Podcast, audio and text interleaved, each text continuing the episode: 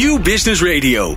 Let's Talk Business. Met nu People Power met Glen van der Burg. People Power is een programma over de kracht van mensen in organisaties. Met interviews en laatste inzichten voor betere prestaties en gelukkige mensen. Deze week gaat Glen van der Burg in gesprek met... Bushra Talidi, zij is interim verandermanager. En Bianca Maasdamme van Progress Advies zijn in de studio. De vraagstukken rond discriminatie tussen de VS en Nederland zijn totaal verschillend.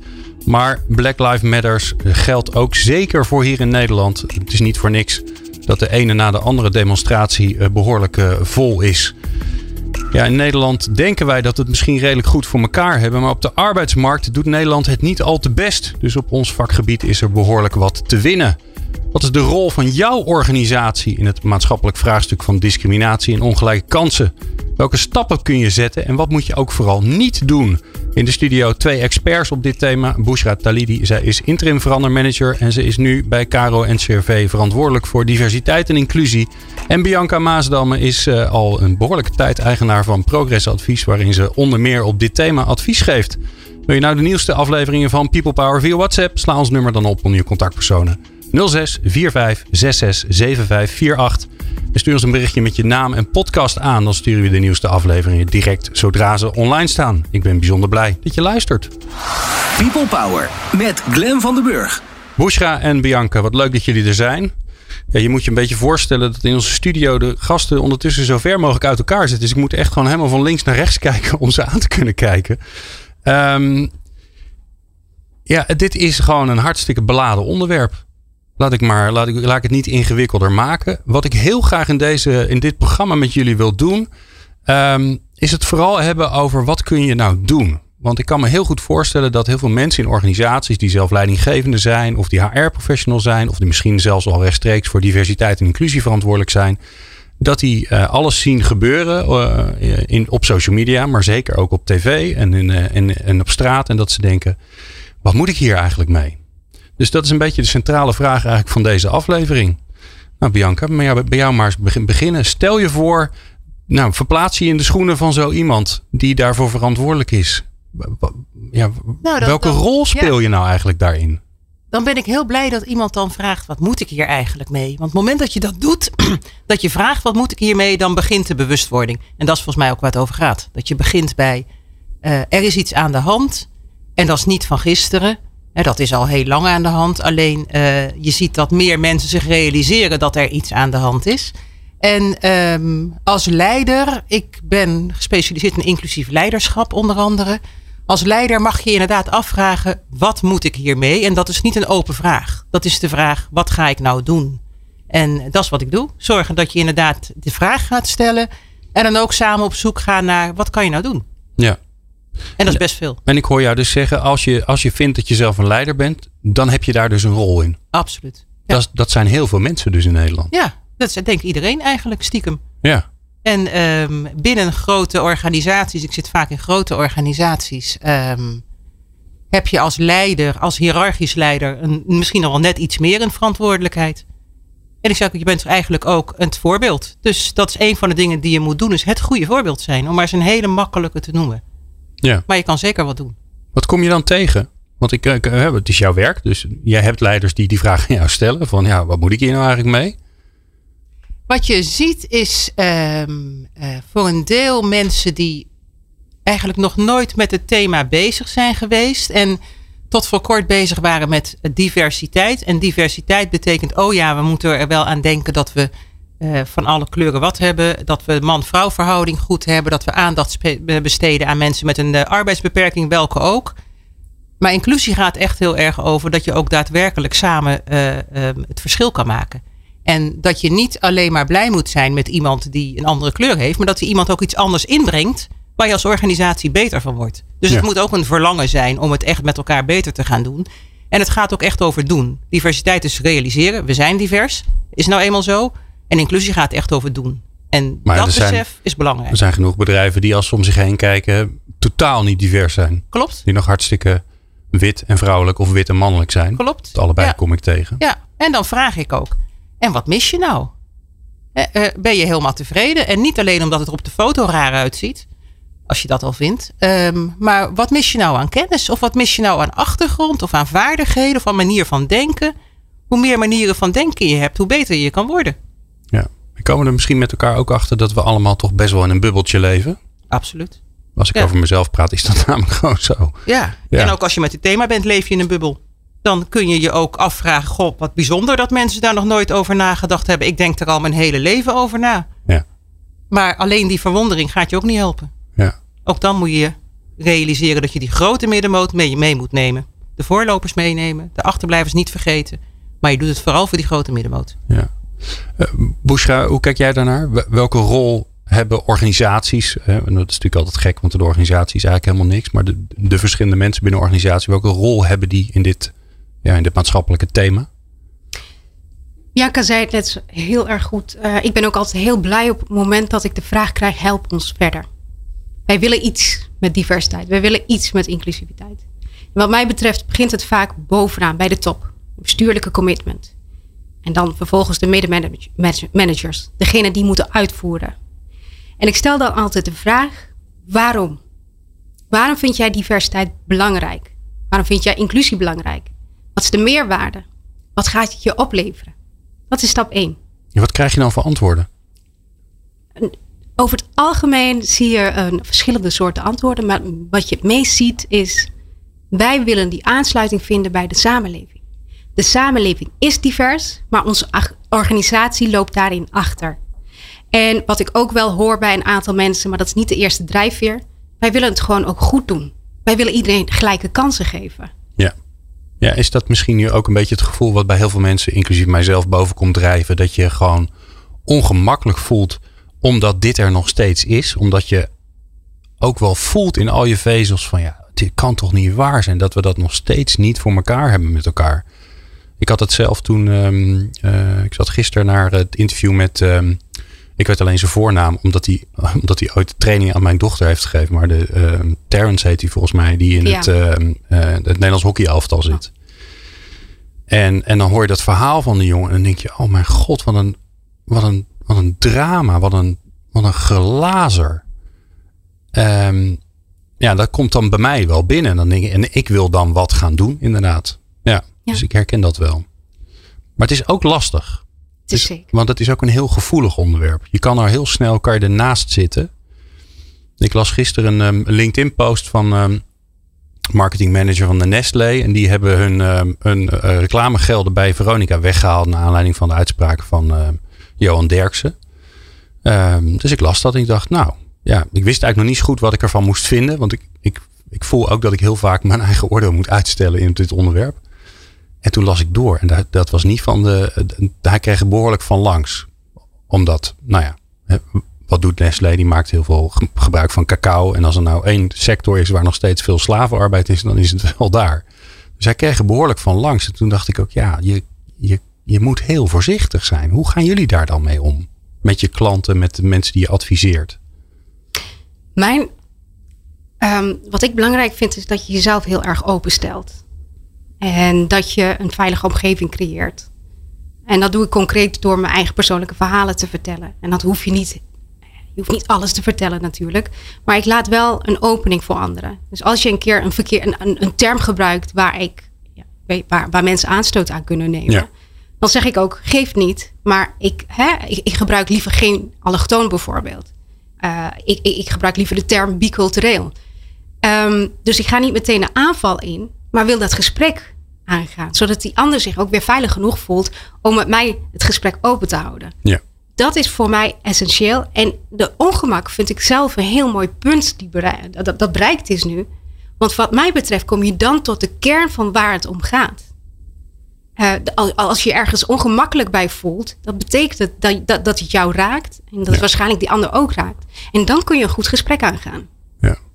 Hoe, hoe ga jij om met die gevoeligheid, Bianca? Want die, die, die Nestlé-man die probeerde iets goeds te doen. En vervolgens kreeg hij de, ja, de, ja. de, de, deksel op zijn neus. Ja, en het verrijkt mij ook altijd door dat te lezen. En inderdaad te bedenken, wat staat daar nou? Wat bedoelen die mensen? En um, um, Dat zet mij ook tot denken. Wat ik bij mijn opdrachtgevers heel veel doe, is inderdaad die vraag stellen van wat denk je nou zelf? En waar zit je ongemak en waar zit je ambitie? En ik vraag mijn opdrachtgevers vanuit de top om een norm uh, te gaan vastleggen. Dus eigenlijk heel hard. Wow. Realiseer een norm. Waar wil je over vijf jaar zijn? Nou, daar hebben we dan een gesprek over. En als je die norm hebt, en of het nou over vijf jaar of over tien jaar wordt, dan is de vraag: hoe gaan we die nou bereiken met elkaar? heb je een voorbeeld van zo'n norm? Je hoeft niet te zeggen bij wie, maar dat. ja, ja, nou ja, bij een van mijn uh, opdrachtgevers, uh, uh, een hele grote organisatie, um, is de norm geworden dat we over vijf jaar respect en expliciete aandacht hebben voor het afwijkende standpunt. Nou, je moet je voorstellen, het is een organisatie waar iedereen, zeg maar, weet je, hetzelfde denkt. En dan heel bewust zeggen van wij willen dat afwijkende standpunt naar binnen hebben. Omdat we, het is een overheidsorganisatie, op die manier veel beter weten wat er in die samenleving zich afspeelt. Ik vind dat heel belangrijk. Maar als je dat zegt tegen elkaar, dat afwijkende standpunt, dan zeg je dus ook, als wij in een vergadering zitten, dan gaan we luisteren naar wat acht mensen zeggen en dan nemen we een democratisch besluit. Maar dan zijn we er nog lang niet. Dan ga je luisteren naar wat de twee anderen zeiden. En als die iets heel anders zeggen, dan gaan we daar eens heel goed naar luisteren. Dat is het afwijkende standpunt. De wijsheid van het individu, van de minderheid. Ja. En ook kijken hoe je daar dan met elkaar over kan praten. En zo logisch als het klinkt, zo ingewikkeld is het. Ja, nou dat is het. Tenminste, ehm, als het niet ingewikkeld zou zijn, hadden we het allemaal opgelost al met elkaar volgens mij. Dus volgens mij is het ingewikkeld. Um, en waar ik wel benieuwd naar ben, is um, wat kun je dan echt concreet doen in de organisatie? want ik hoor jullie zeggen, stel je open, uh, stel vragen. Ik ben heel benieuwd naar handvatten daarvoor. En dat hoor je zo. People Power op Nieuw Business Radio. Ik ben Rachel van Raan, hoofdhaar en Vos en ik laat me graag inspireren door People Power. Meepraten of meer programma's? people-power.nl Bushra Talidi en uh, Bianca Maasdam in de studio. We praten over Black Lives Matter. Eigenlijk vooral over ja, wat, uh, wat heb je nou te doen als leider of als HR-verantwoordelijke of gewoon als collega in, uh, in dit belangrijke maatschappelijke onderwerp. Um, ja, we, we kwamen, kwamen er net al een beetje op op taal. Hè? Um, hoe, hoe, hoe maak je dit nou bespreekbaar als je al vooraf denkt, hoe moet ik het, hoe moet ik het noemen? Ja. want er zijn woorden die zijn heel erg beladen. Er zijn woorden die we een tijd lang gebruikt hebben, die we niet meer gebruiken. Um, zou, misschien moeten, moeten we een boekje uitgeven of zo, zit ik dan te bedenken. Om het ons gewoon een beetje makkelijker te maken allemaal.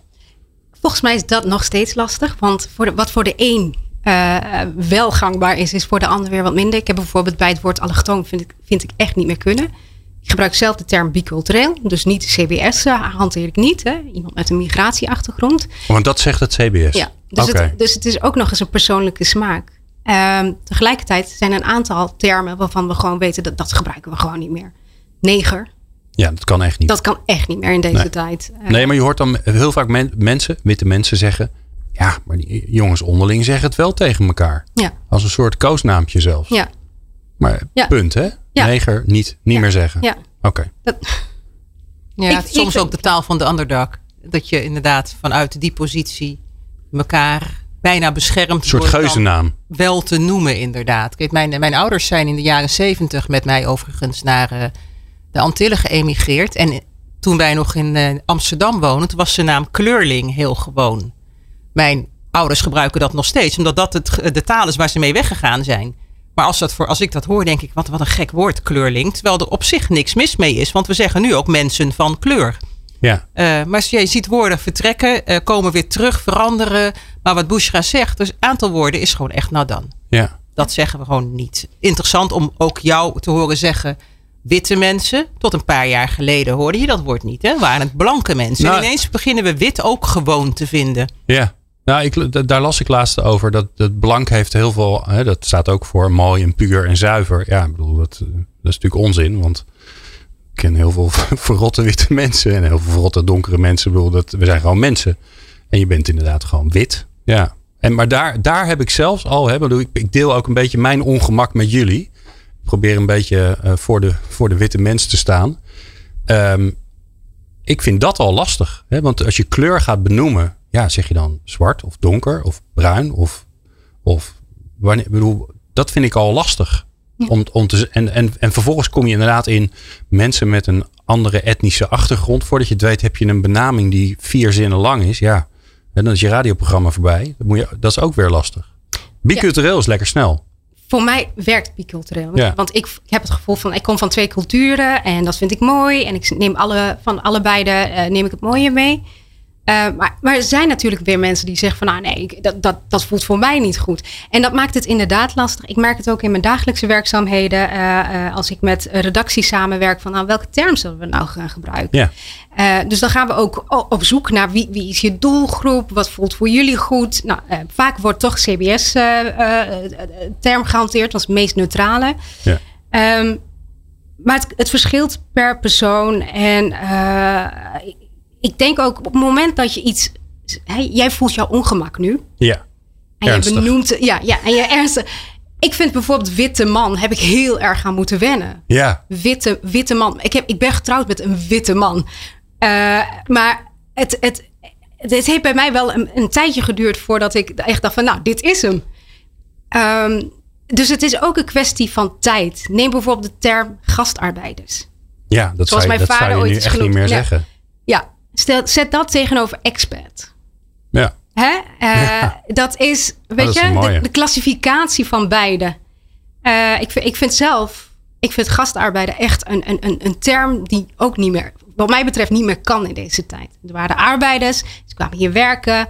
Eh, zo heb je bijvoorbeeld nu de, de mensen die uit Oost-Europa hier werk komen doen. Dat zijn dan de arbeidsmigranten.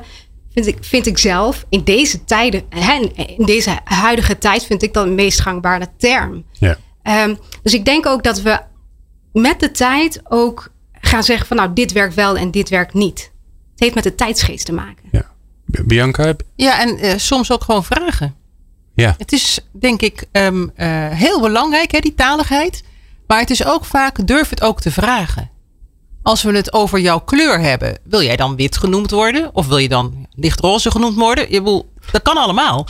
En ehm, eh, door het te vragen, open je ook het gesprek. En je mag je best kwetsbaar opstellen door te zeggen, ik weet het niet.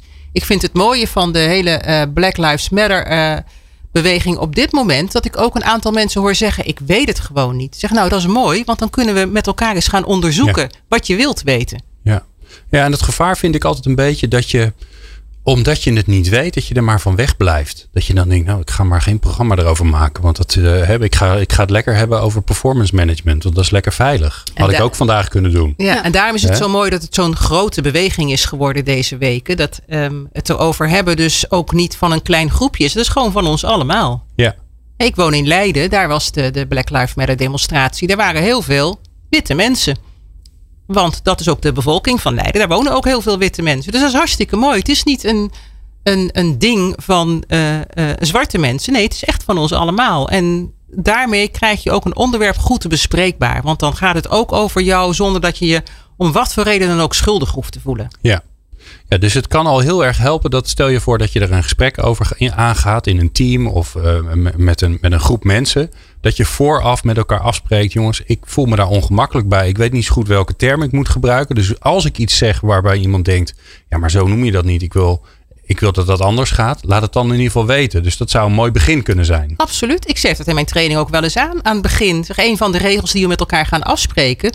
Als je je ergens niet prettig bij voelt, dan steek je je hand op en dan roep je ongemakkelijk. Oké. Oh, Zo dat is echt een soort codeword Ja. gewoon. Zo simpel. Ja, werkt. Ja. En wat gebeurt er dan als iemand dat doet? Want dan, ik kan, dan leg je natuurlijk het hele proces stil. Ja, en dan krijg je heel veel respect van de anderen. Ja, het is ook dapper. Ja, precies. Ja. Ja. Ja, dat soort ervaringen, Bushra? Ja, en ik, ik, ik wil daarop aanvullen dat het dan ook heel belangrijk is dat, dat de setting ook heel erg veilig is op dat moment. Hè? Dus als je je hand opsteekt, dat, dat het dan ook eh, eh, ja, warm wordt ontvangen, zeg maar. Dat diegene zijn nek uitsteekt, of in elk geval durft Ja. te zeggen wat hij te zeggen heeft. Eh, en dat, daarin vind, het, vind ik het stukje inclusief leiderschap ontzettend belangrijk. Hè? Dus dat je het goede voorbeeld daarin geeft, respectvol omgaat met alle meningen die worden geuit. Ehm, en daartegenover wil ik het stuk, naast dat inclusieve leiderschap, ook het stuk persoonlijk leiderschap zetten. Dus dat mensen zich ook echt eh, de effort nemen om zich uit te spreken. Ja. Dus dat het niet alleen bij de leidinggevende blijft liggen, dat hij zijn best daarvoor doet, maar dat je ook zelf probeert over dat ongemak heen te komen. Dus het is ontzettend mooie, mooie, mooie manier wat eh, Bianca nu benoemt. Hè? Je hand opsteken en gewoon zeggen ongemak. Eh, laag, laagdrempelig, tenminste, voor de meeste mensen zal dat lang, laagdrempelig zijn. Eh, waardoor waardoor je wel een bepaalde middel hebt om iets te benoemen. En, en, de, en de openheid is er.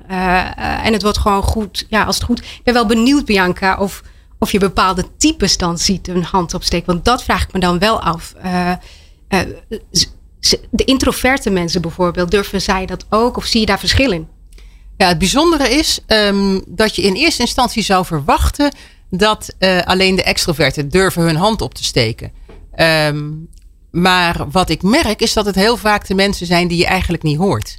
Die dan zeggen, en dan niet meteen, hè, gewoon misschien wel na een uur. Of misschien wel de volgende dag bij een meerdaagse training. Zeg nou, ongemakkelijk. Wil toch nog even ergens op terugkomen. Soms alleen bij mij. Dat mag ook. Hè? Dat ik zeg van nou, dan schiet je me even aan. Dan hebben we het er even apart over. En dan kijken we hoe we het weer terugbrengen naar de groep. Dus er zijn heel veel mogelijkheden ik weet natuurlijk niet wie het niet doen. Maar van degenen die het wel doen, denk ik, nou, dat, dat het, het werkt goed. Althans, ik krijg terug vanuit de groep, mits je zo'n veilige setting creëert, inderdaad, dat het goed werkt. En dat het besef dat je het mag zeggen, dat dat het allereerste is. Het mag.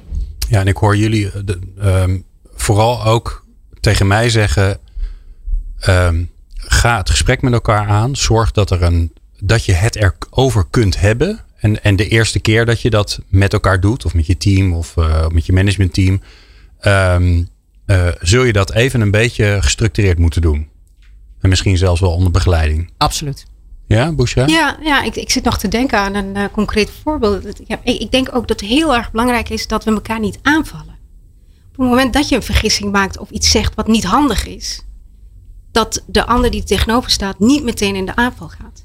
Ik heb een voorbeeld gehad dat een, uh, een, een, een, eindredacteur uh, zei van ja, wij willen wel diverse mensen, maar ja, wij, kunnen ze niet vinden of ze hebben niet de juiste kwaliteiten. En dat een hele groep meteen in de aanval uh, ging richting hem. Um, waardoor hij dichtklapte. Terwijl ja. ik het juist zo mooi vond dat hij zijn mond opentrok en iets ja, zei waar hij mee struggled. En ik dacht, nou, dat is een mooi begin om het gesprek aan te gaan. Dus uh, dat is volgens mij ook heel essentieel. De, aan de ene kant benoem de ongemak. En aan de andere kant zorg er ook voor dat het ook veilig gebeurt. Dus val niet meteen aan.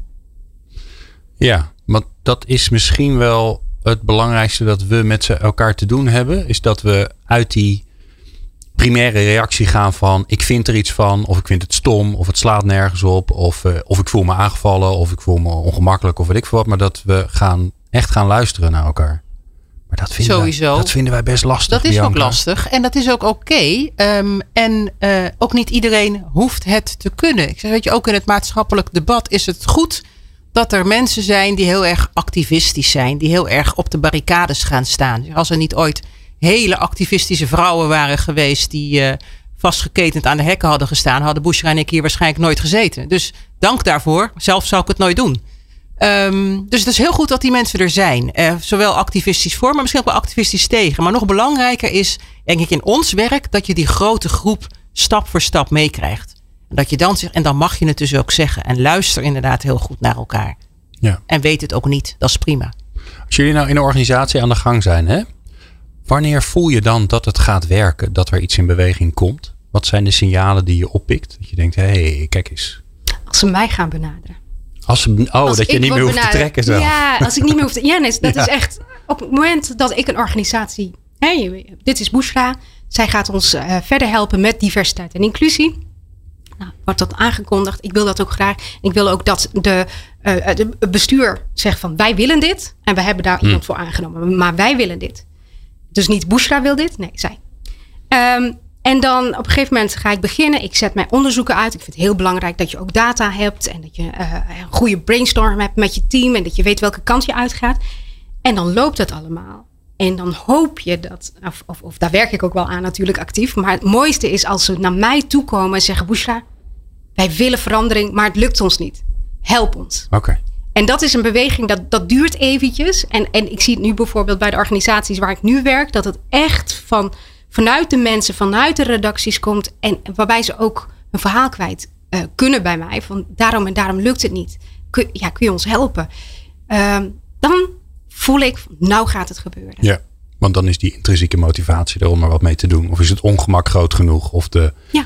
schuldgevoel? Of nou ja, het maakt niet zoveel uit waar het vandaan komt. Als er maar wat gebeurt. En dan is er ook leiderschap. Als ik Bushra hoor, denk ik, ja. ja, dat is waar je naar zoekt. Je zoekt echt naar leiderschap. En Het is um, um, vaak ook wel uh, in onze democratie dat we zeggen het moet ook van de werkvloer komen. Dan zeg ik ja, natuurlijk moet het ook van de werkvloer komen. Maar het moet in ieder geval van de leiders komen.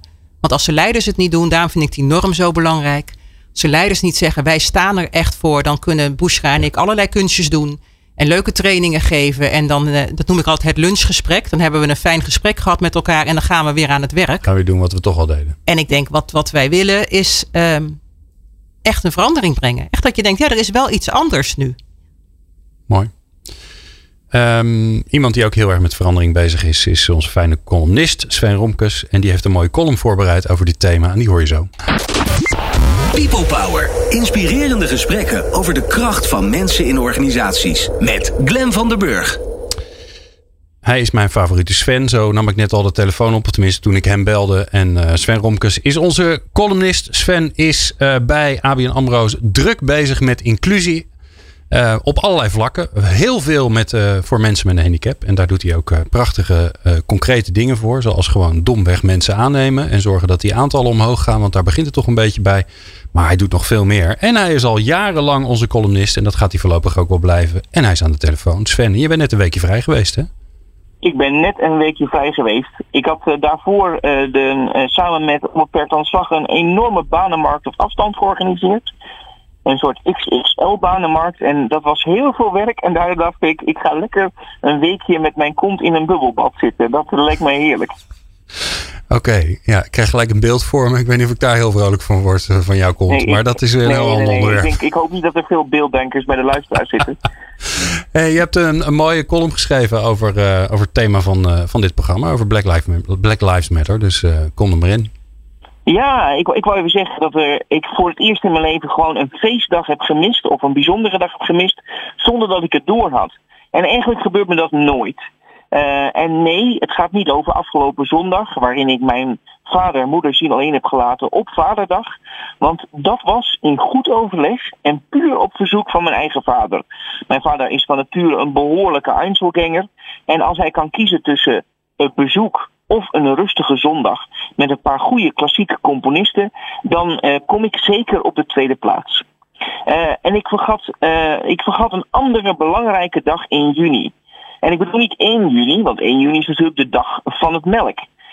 waarin we bewust stilstaan over hoe gezond melk is. Het was ook niet de dag van de jeugdboeken, waarin we zeggen hoe belangrijk le lezen voor ons is. Het was ook niet de nationale spijbeldag voor volwassenen, waarin volwassenen één dag bewust hun taken mogen laten versloffen als opvoeder, uh, om dit de rest van het jaar natuurlijk elke dag onbewust te laten sloffen. Het was niet de dag tegen oceaanvervuiling, het was niet Nationale Buitenspeeldag, trouwens erg cru ten tijde van corona. Uh, en het was ook niet de dag van het respect in de trein. Want we realiseren ons, nu we allemaal een mondkapje op moeten doen, wordt het sowieso lastiger spugen naar conducteurs. Het was niet de dag van het oude paard, niet te verwarren met de dag voor de ponies, de dag van de ezels of de dag van het jongere paard. Het was niet bloeddonorendag, de dag van de wind, dag van de zeeschildpad of de dag van de digitale overheid of de nationale tapasdag. Dit waren overigens allemaal dagen die we in de maand juni hadden kunnen vieren. Nee, we hebben het over een echte belangrijke dag. 19 juni, oftewel Juneteenth. Ik moet eerlijk zijn, ik had er hiervoor nog niet eerder van gehoord. Maar het is een dag waarin vooral in Amerika wordt stilgestaan bij het daadwerkelijk afschaffen van de slavernij. Abraham Lincoln kondigde al in 1862 aan dat slavernij moest worden afgeschaft. Maar het leek er wel op alsof, we deze, alsof iedereen massaal de nationale Drenteldag van juni, die ook echt bestaat, hebben gevierd. Want het duurde toch drie jaar lang en het werd drie jaar later voordat de slavernij in 1865 het definitief werd afgeschaft. En eh, generaal Gordon Granger trok met 2000 troepen door onder andere Texas om actief te controleren of zwarte mensen wel echt betaald kregen, gelijkwaardig werden behandeld of mee mochten doen in de maatschappij door bijvoorbeeld naar een park te gaan of normaal werden behandeld in een winkel. Zelf ben ik natuurlijk een witte, decadente jongeman die, daar, die niets te maken heeft gehad met discriminatie in zijn leven. Misschien op basis van een beperking, maar meer dan dat is het nooit geweest. En als decadente witte man zat ik op mijn vakantieadres met een goede vriend, mijn eigen vriendin en haar goede vriendin in een bubbelbad. Uh, die goede vriendin van mijn vriendin is overigens van afkomst van de Dominicaanse Republiek. Maar uh, nog wel oud-Hollandser dan alle drie overige badderaars bij elkaar. Bij haar gebruikt ze af en toe oud-Nederlandse woorden als slabakken, jammermoedigheid, strapatsen of zakkerlood. Ze eet meer kaas in één week dan ik in een maand. Maar ook zij had bijvoorbeeld afgelopen week, uh, net als de keren daarvoor, het gevoel dat het personeel in een winkel haar anders behandelde of raar aankeek toen ze een broek wilde passen. Zij moest afgelopen periode vanwege corona aankloppen voor steun bij haar gemeente en kreeg in één keer allerlei vragen over haar taalgebruik of dat bepaalde banen niet te moeilijk voor haar waren, terwijl ze spreekt Nederlands als de beste en is zwaar hoog opgeleid. We kijken dus gewoon naar kleur. Racisme bestaat nog steeds elke dag. Ook in Nederland. En het zou goed zijn als we daar wat meer bewust van zijn. Wat zijn onze eigen vooroordelen? Waarom, als je een talkshow aanzet s'avonds, zijn de meeste gasten nog spierwit? Waarom, als het op de inhoud gaat, zijn de gasten nog veel witter? Waarom is er nog steeds in Nederland sprake van etnisch profileren? En geven we echt iedereen dezelfde kans en eerlijke kans bij solliciteren? Het is goed om daarbij stil te staan. Even na te denken over wat we zelf denken, wat we kunnen doen, wat we beter kunnen doen om echt te spreken van een samenleving. Het is goed om hier even bij stil te staan. Dit zeg ik bewust even wat luider, niet omdat het aanstaande vrijdag Nationale Ketslokdag is, maar een keer omdat we nu eindelijk een dag hebben uh, om echt te onthouden, een belangrijke dag om echt dingen te kunnen veranderen. Laten we gewoon 19 juni Black Lives Matter dag maken om overal ter wereld onze schouders te zetten onder echte gelijkwaardigheid. En dat is dan een dag om nooit, maar ook nooit meer te vergeten. Mooi, mooi Sven, dankjewel. Ja, dames zitten ook in stemmen te knikken. Ze zijn blij met je. Uh, dankjewel Sven. En um, nou, ik zit even te denken. Ik denk dat het na de vakantie wordt. Dat ik jou weer. Uh, na de zomer, Ja, maar wij gaan buiten de uitzending echt nog wel even bellen. Dankjewel Sven. People Power met Glen van den Burg. Met in de studio Bushra Talidi en Bianca Maasdamme. We praten over wat jij als leider, collega, HR-mens uh, verantwoordelijk voor een organisatie te doen hebt in de hele beweging rondom Black Lives Matter. Black Lives Matter. Ik krijg mijn mond niet meer uit, joh. Wat is dat? Um, we hadden net de column van, uh, van Sven. Uh, wel grappig dat hij zegt dat hij zelf een bevoorrechte witte man is. Terwijl hij nou ja, behoorlijk in een rolstoel zit. En zelf behoorlijk veel mee heeft gemaakt. Wat dat dan weer betekent als het gaat over discriminatie. Um, wat heb je gehoord, Bianca? Ja, ik was onder de indruk van de column. Ook omdat jij had verteld dat um, uh, bevoorrecht zijn vele vormen kent. Laat ik het maar zo zeggen. 1865 hoor ik net als, als datum. Mijn ouders zijn uh, precies 100 jaar later in 1965 getrouwd. Uh, op een moment dat als ze dat in Amerika hadden gedaan, het in 16 staten nog steeds niet had gemogen. Ja. Dus 100 jaar later, mijn ouders zijn, uh, zoals we dat noemen, een gemixt stel.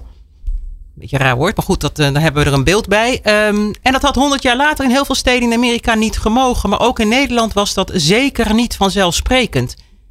1965, heel kort geleden. Dus uh, geschiedenis is een, een hele bijzonder iets. En als we het over herdenkingsdagen hebben, 1 juli uh, aanstaande, herdenken we in Nederland de afschaffing van de slavernij. Ja. de officiële afschaffing is 1863.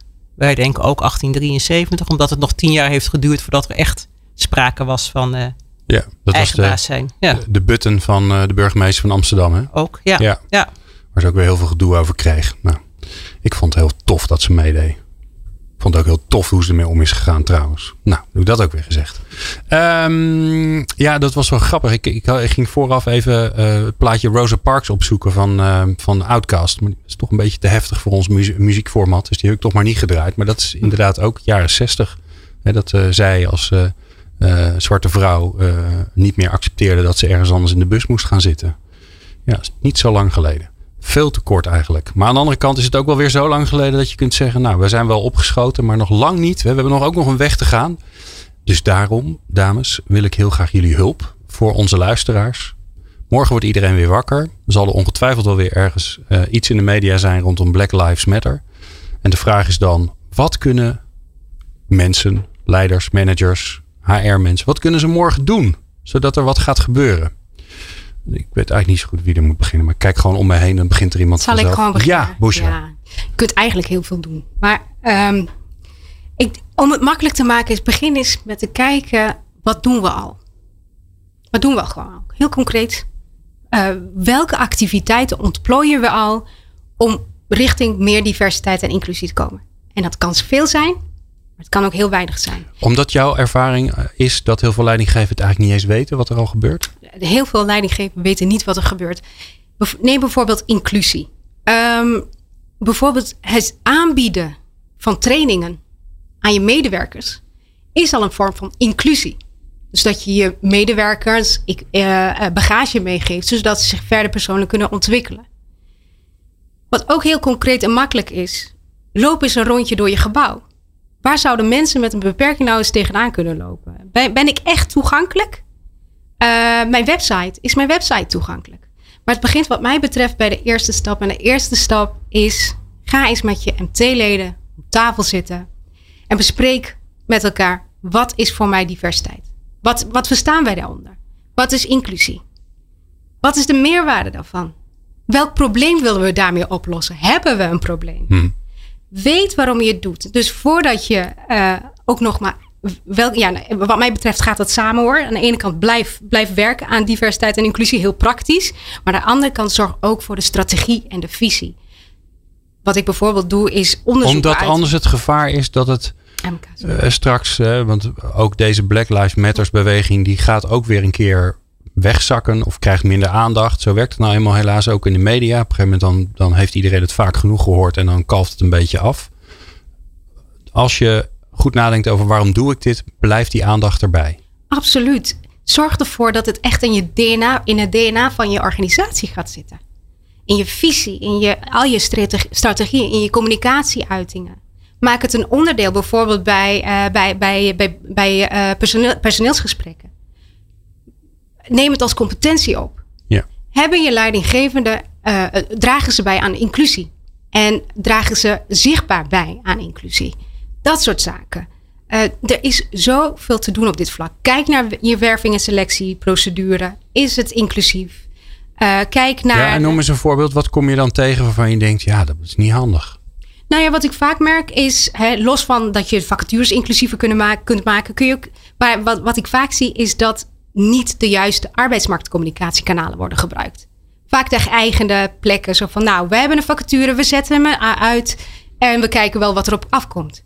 Wil je wat meer soortige, andersoortige mensen aanspreken? Kijk dan eens, welke, welke kanalen heb je nog meer? Of zet eens een, een, recruiter in met een specifieke opdracht. Ehm, en ik geloof daarin, omdat ik gewoon in de praktijk heb gezien dat dat werkt. Hoor ik je daarmee zeggen, je moet het ook even speciaal maken. Je moet er speciale, want het, het gekke is natuurlijk, wat je hoopt is dat er op een gegeven moment dat het niet meer nodig is. Mhm. Hè? Dat iedereen eh, eh, aandacht voor elkaar heeft. Dat het niet meer uit hoe je eruit ziet en of je man of vrouw bent. En dat, dat iedereen op een goede manier met elkaar omgaat. En dat iedereen gelijke kansen krijgt.